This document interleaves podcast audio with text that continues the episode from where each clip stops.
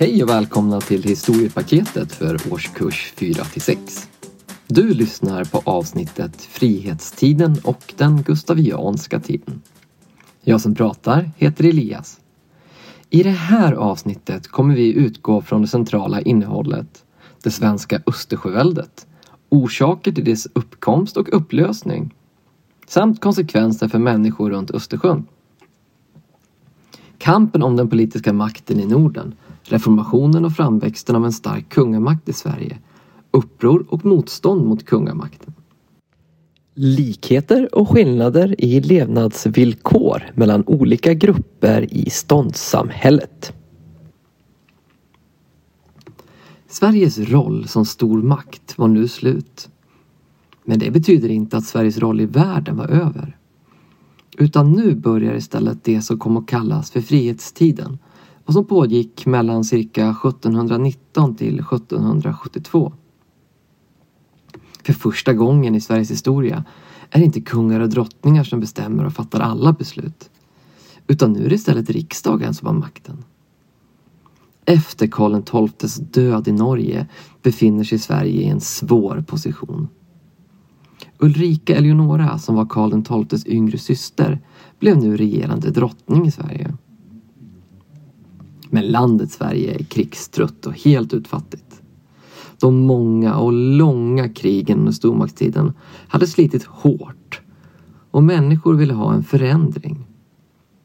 Ulrika Eleonora hamnade i konflikt med riksdagen och de närmaste rådgivarna. Och hon lämnar faktiskt över tronen till sin man Fredrik, som blir Fredrik den första.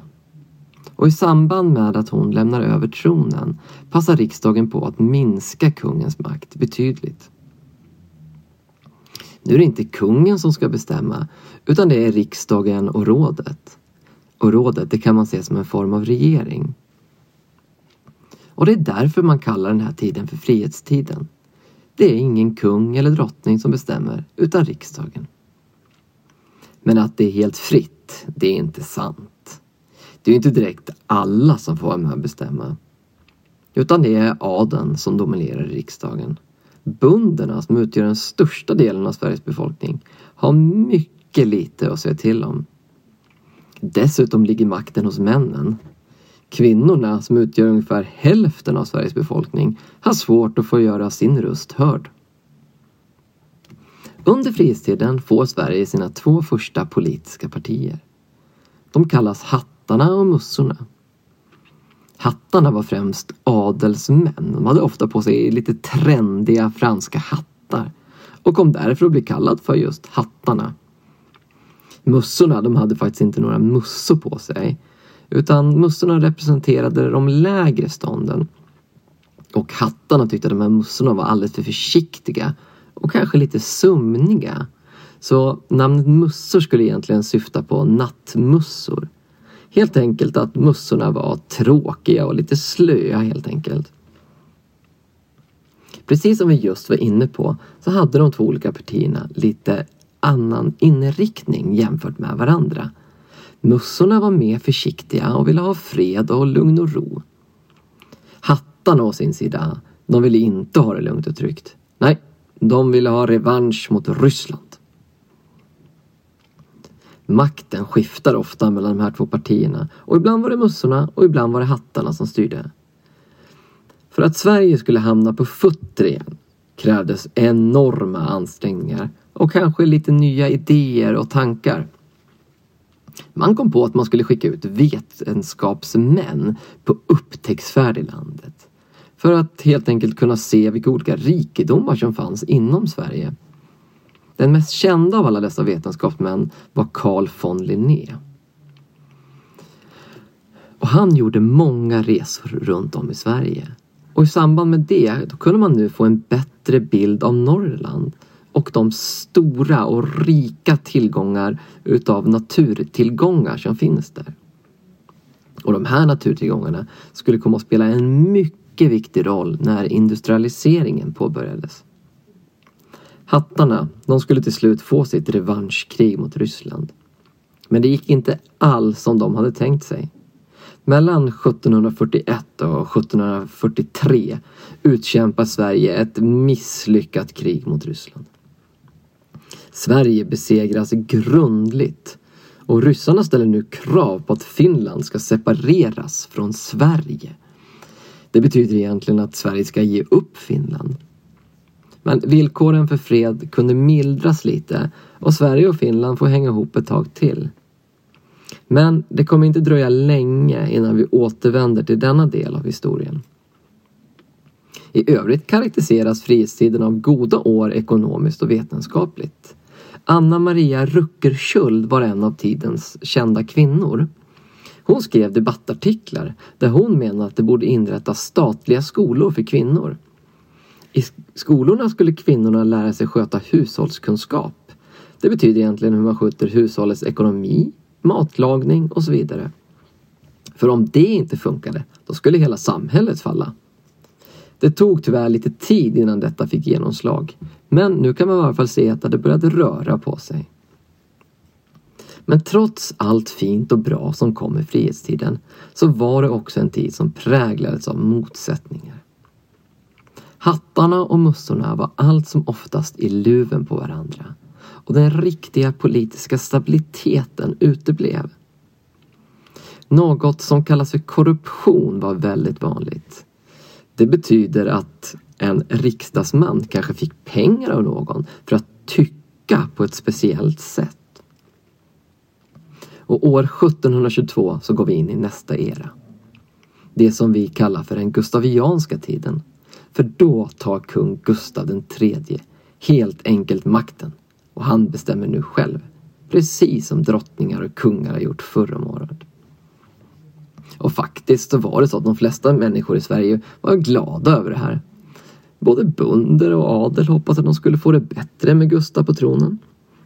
Och Gustav började ganska direkt med att avskaffa dödsstraff för i princip alla brott utom mord och barnamord.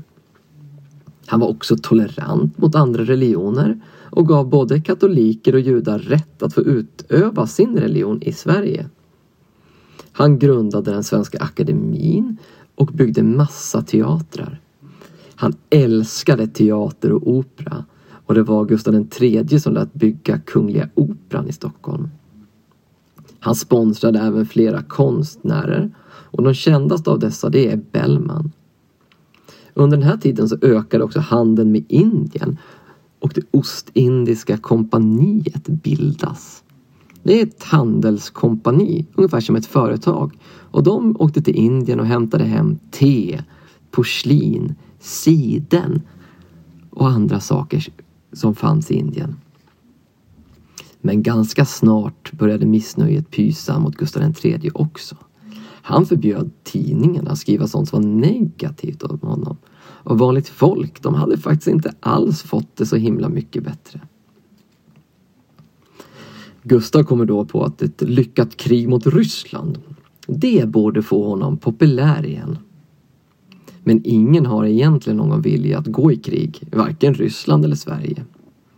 Så då kom man på den käcka idén att klä ut några svenska soldater till ryssar och låta dem anfalla in i Sverige. Då har man ju fått en anledning till att ge sig på ryssen. Och Gustav, han får sitt krig. Men i ärlighetens namn så hade nog det här kriget slutat i katastrof om inte den svenska flottan, alltså de svenska fartygen och båtarna, hade lyckats med sin största seger någonsin vid slaget vid Svensksund. Men nu är det många som är missnöjda och när kungen går på maskerad på Operan den 16 mars 1792 så skjuts han och han avlider några veckor senare. Gustav han efterträds av sin son som också heter Gustav och han blir Gustav den fjärde Adolf. Han påbörjar reformer inom jordbruket och moderniserar näringslivet. Gustav IV Adolf han är franskfientlig. Han gillar inte det som har hänt i Frankrike under franska revolutionen. Och han väljer sig att ställa sig på den sida som kämpar emot Napoleon. Och Napoleon det var Frankrikes ledare och han höll på att ta över hela Europa. Men det här ska visa sig vara ett väldigt ödesdigert beslut. Ryssland är nämligen på samma sida som Frankrike och anfaller Sverige.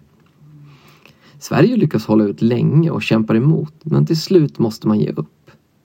Gustav IV Adolf anses vara den som är ansvarig för kriget. Om honom avsätter man och man tvingar honom att lämna landet. Han får helt enkelt inte vara kung längre. I den fred som följer efter det här kriget så tvingas Sverige ge upp Finland.